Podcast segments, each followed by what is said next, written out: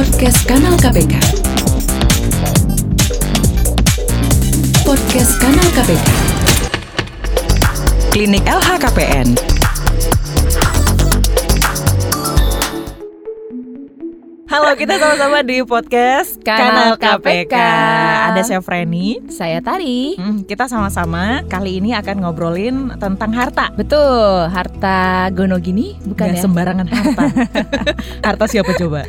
Harta penyelenggara negara. Eh, kita kayak julid gitu ya ngomongin harta penyelenggara negara, tapi sebenarnya ini perlu untuk kita ketahui ya. Betul, karena kan penyelenggara negara digaji oleh Rakyat, rakyat, lewat jadi pajak, lewat ya. pajak. Jadi kita perlu tahu juga masyarakat perlu tahu juga ikut ambil bagian untuk mengetahui sebenarnya harta mereka itu seberapa dan Terutama di saat mereka akan dilantik untuk satu jabatan betul. setelah selesai jabatan gitu. Iya, Eh udah pernah ngeliat gak sih harta siapa yang dikepoin pernah? Hmm, siapa ya?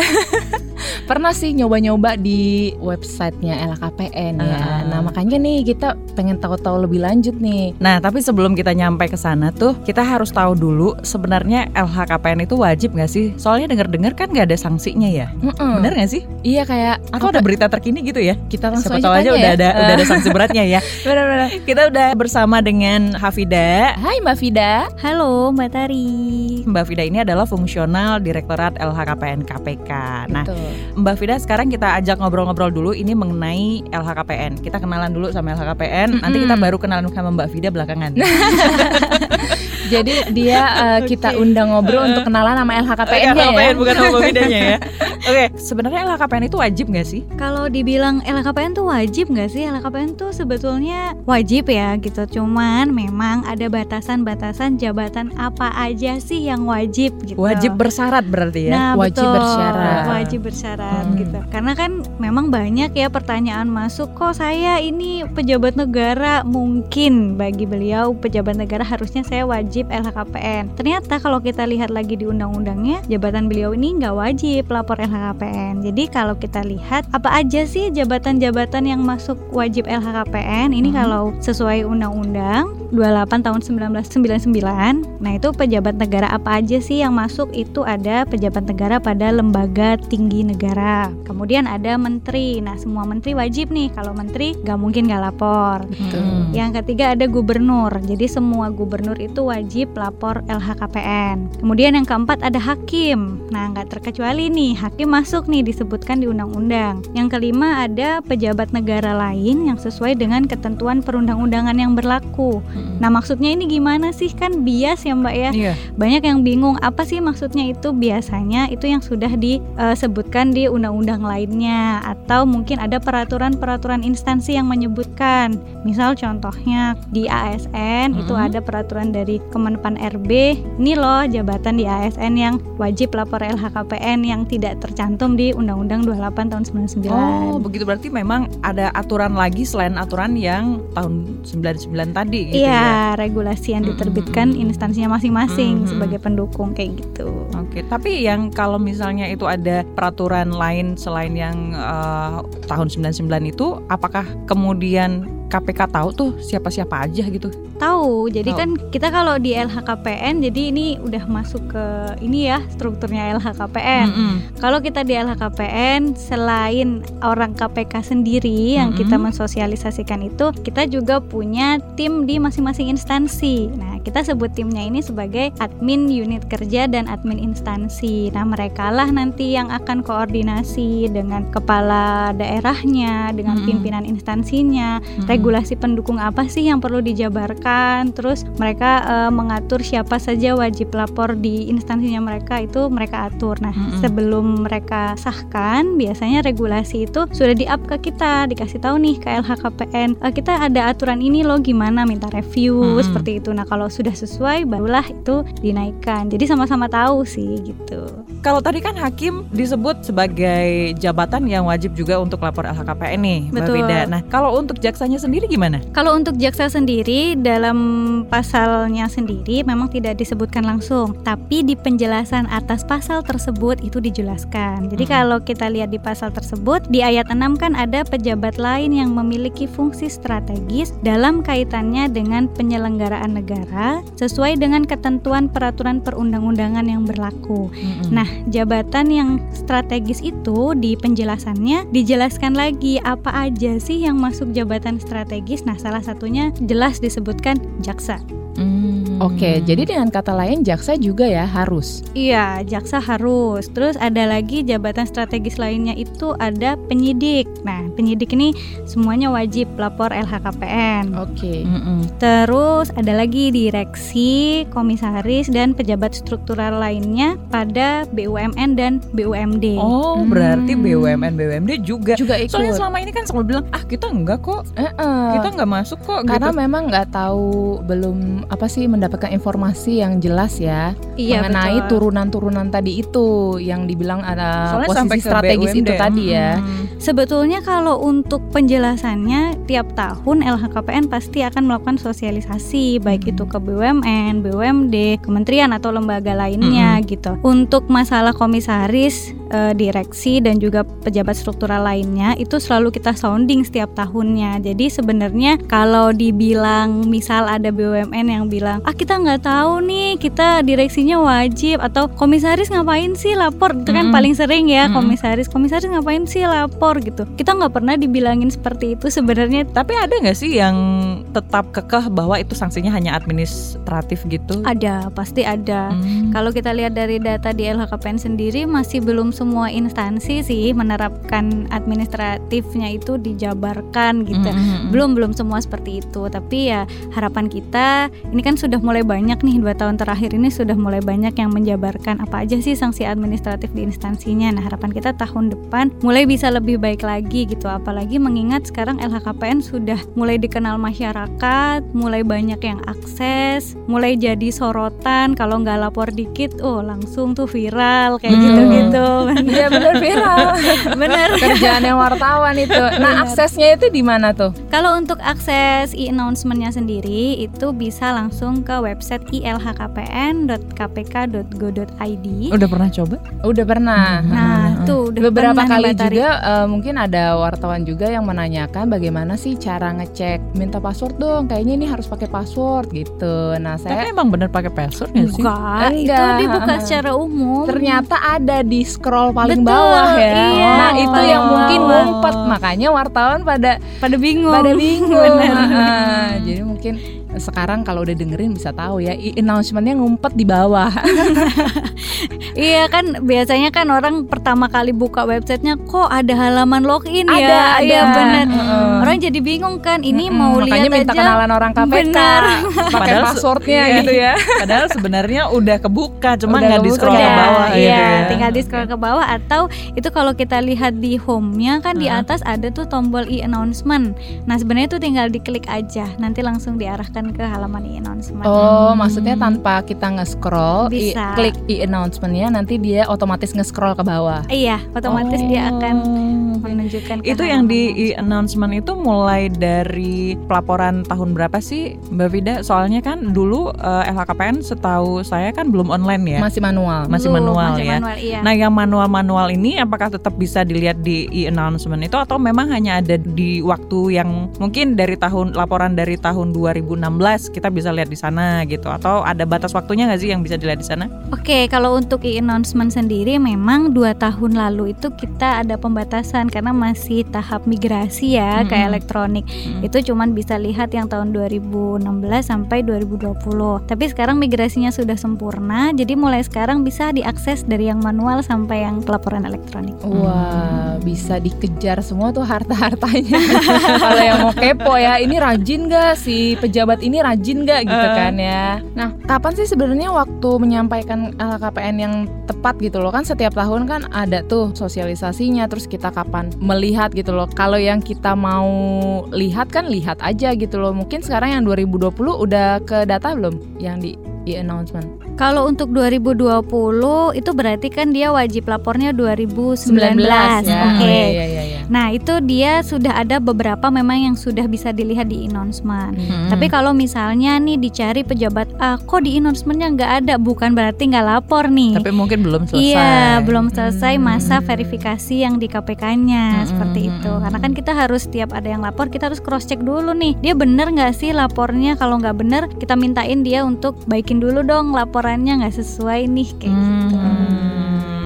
Jadi gini nih Mbak Vida, misalnya kapan waktu paling telat untuk menyampaikan LHKPN dan kapan kita bisa benar-benar full ngelihat LHKPN yang dilaporkan itu di e-announcement? Oke, kalau untuk pelaporannya sendiri itu dibagi dua. Mm-mm. Kalau dia baru menjabat atau mengakhiri masa jabatan, itu Hmm. masuk sebagai pelaporan khusus. Hmm. Nah, pelaporan khusus ini kapan sih batas waktunya di akhir tahun tahun pelaporannya. Jadi kalau Hmm, dia misalnya baru menjabat 2020 nih Hmm. sebagai wajib lapor 2020, dia bisa lapor di aplikasi itu sampai Desember. Tapi secara peraturan komisi paling lambat tiga bulan sejak dilantik atau tiga bulan setelah pensiun. Oke. Jadi kalau misalnya dia lewat dari itu terus ah udah lewat udah sekalian nggak usah lapor nggak ada alasan kayak gitu. Tetap Hmm. lapor meskipun terlambat seperti itu. Oh. Tapi itu kewajibannya maksimal kalau di peraturan komisi tiga bulan. Oke. Jadi kalau dilantik Januari itu paling telat dia nyampaikan LHKPN-nya April.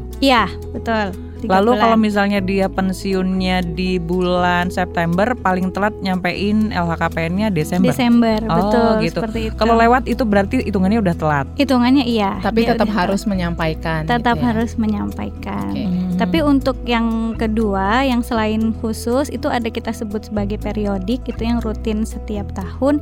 Itu jangka waktunya dari 1 Januari sampai 31 Maret. Nah, kalau lebih dari 31 Maret sama seperti yang khusus bukan berarti dia terus nggak lapor, tetap Mhm. wajib lapor, Hmm. tapi sudah masuk kategori terlambat. Nah, tadi kan disampaikan kalau yang dia khusus itu pas diangkat, lalu juga pas selesai masa jabatannya. Kalau kayak anggota DPR, DPRD, ini kan dia lima tahun ya.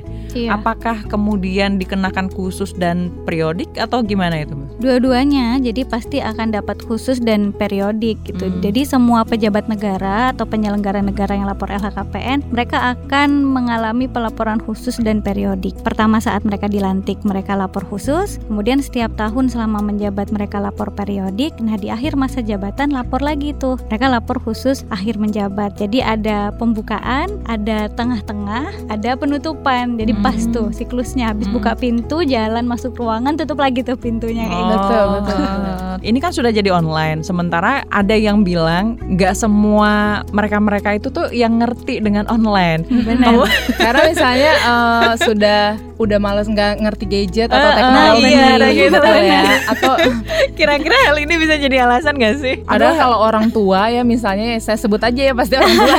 Karena pejabat biasanya orang tua. Orang tua itu tidak kayak uh, anak, Anak muda, muda, yang iya. gampang sekali atau cepat sekali adaptasi dengan, Dengan teknologi, teknologi, baru, benar-benar. ya kan? Hmm. Misalnya kalau buka uh, website apa, kita mungkin nggak perlu panduan yang anak-anak muda ya, Mm-mm. langsung bisa ngulik sendiri Iya. gitu ya. Tapi Kalau kan orang tua tidak orang mungkin tua, bisa iya, ngulik betul. sendiri Iya, ya. betul. Ini ada excuse nggak sih untuk kasus-kasus yang seperti ini dimaklumikah di saat dia terlambat atau nggak ngelapor atau gimana? Kalau untuk excuse nggak ada sih ya Mbak ya. Karena kan kita jeda waktu Nggak boleh pilih kasih gitu ya? Iya Ah, betul, benar-benar, benar. nggak boleh ada pilih kasih. Karena kan jeda waktu lapornya kita ngasihnya nggak sehari dua hari Iya, ya. Mereka panjang bisa ya. panjang dan Mm. kadang ada yang beralasan, iya soalnya kalau misalnya saya nggak selesai hari itu, saya close hilang enggak. Semua itu nggak ada yang hilang. Jadi Hmm. kalau mereka lapornya misalnya sampai tengah, terus aduh nggak tahu nih Lupa. cara yang menu Hmm, selanjutnya, boleh dilanjutkan besoknya atau besoknya Dan lagi. itu ke save otomatis ya. Betul, Oh. otomatis ke save dari sistem kita. Biasanya kalau memang untuk Pak, Bu, jangan ngeles lagi ya. Tuh kan bisa di save otomatis. Iya bener gak bakal hilang ya. Oke oke. Tapi kalau misalnya nih udah bener-bener kepepet ya, mentok, itu bisa diwakilkan gak sih? Misalnya eh, dia nyuruh anaknya gitu loh buat input atau dia langsung datang ke KPK minta tolong, minta bantuan atau kayak ke klinik waktu itu yang Mhm, di betul. gedung DPR, minta tolong diisikan. Lalu dia udah siap nih dengan semua berkasnya. Jadi walaupun online apa masih bisa diwakilkan gitu? Masih bisa sebetulnya masih bisa. tuh, kan ada staf ahli ya. Mm-mm. Gak ada alasan Diperdayakan. ngeles lagi Iya, ya. bener-bener. Bisa diperdayakan. Iya, diberdayakan. diberdayakan, Bu. Ya betul. Oke, berarti bisa diwakilkan ya sebenarnya. Bisa, bisa diwakilkan. Mm-mm. Karena kan itu self assessment dan hak dari penyelenggara negara ya. Kalau Hmm. dia merasa saya butuh bantuan nih dalam menginputkan harta saya, boleh silahkan gitu. Mhm, jadi bisa diwakilkan. Udah Betul. nggak ada alasannya Udah lagi. sangat friendly dan mudah gitu ya Mm. sebenarnya. Iya, betul. Nah kalau misalnya yang lagi kebetulan lewat nih ya, lewat gedung KPK atau dia sambil dinas atau kayak gimana, bisa nggak langsung menyampaikannya ke kantor KPK?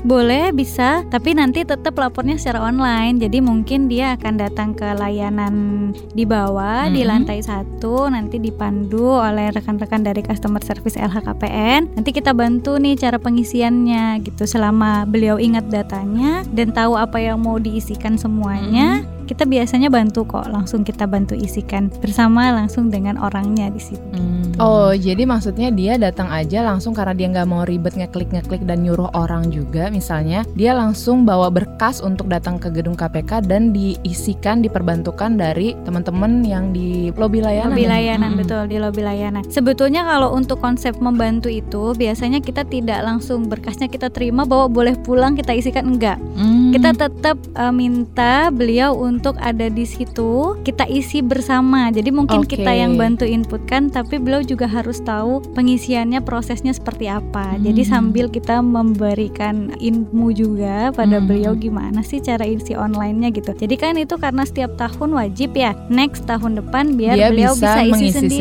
sendiri, gitu, oke. gitu. Jadi kalau cuman ngasih berkasnya terus ditinggal keluar kita kan nggak tahu tuh bapak username-nya berapa ya passwordnya Iya. berapa Hmm. gitu jadi harus memang didampingi sama wajib lapornya sendiri Mm-mm.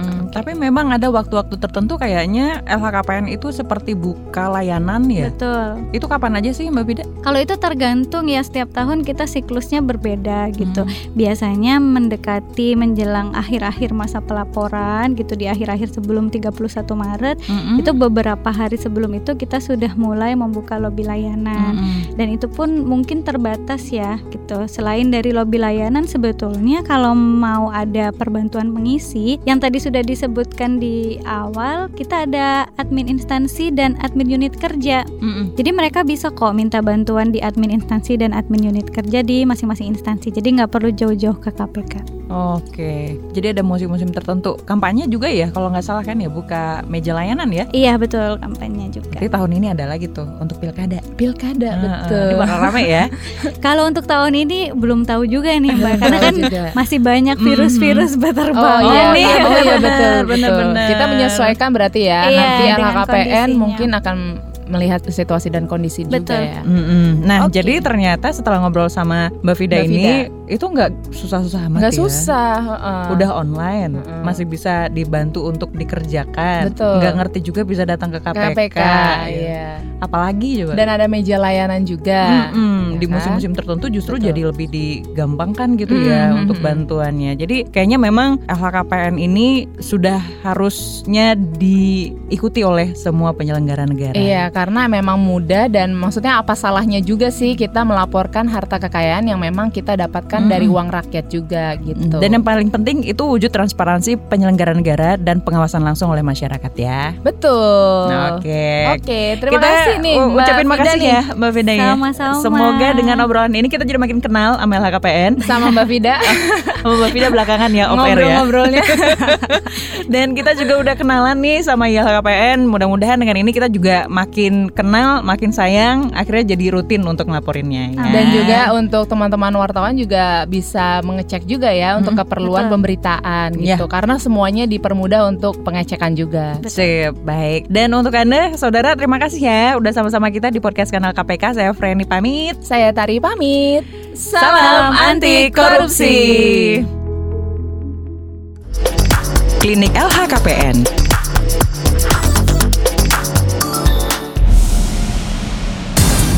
Podcast Kanal KPK. Podcast Kanal KPK.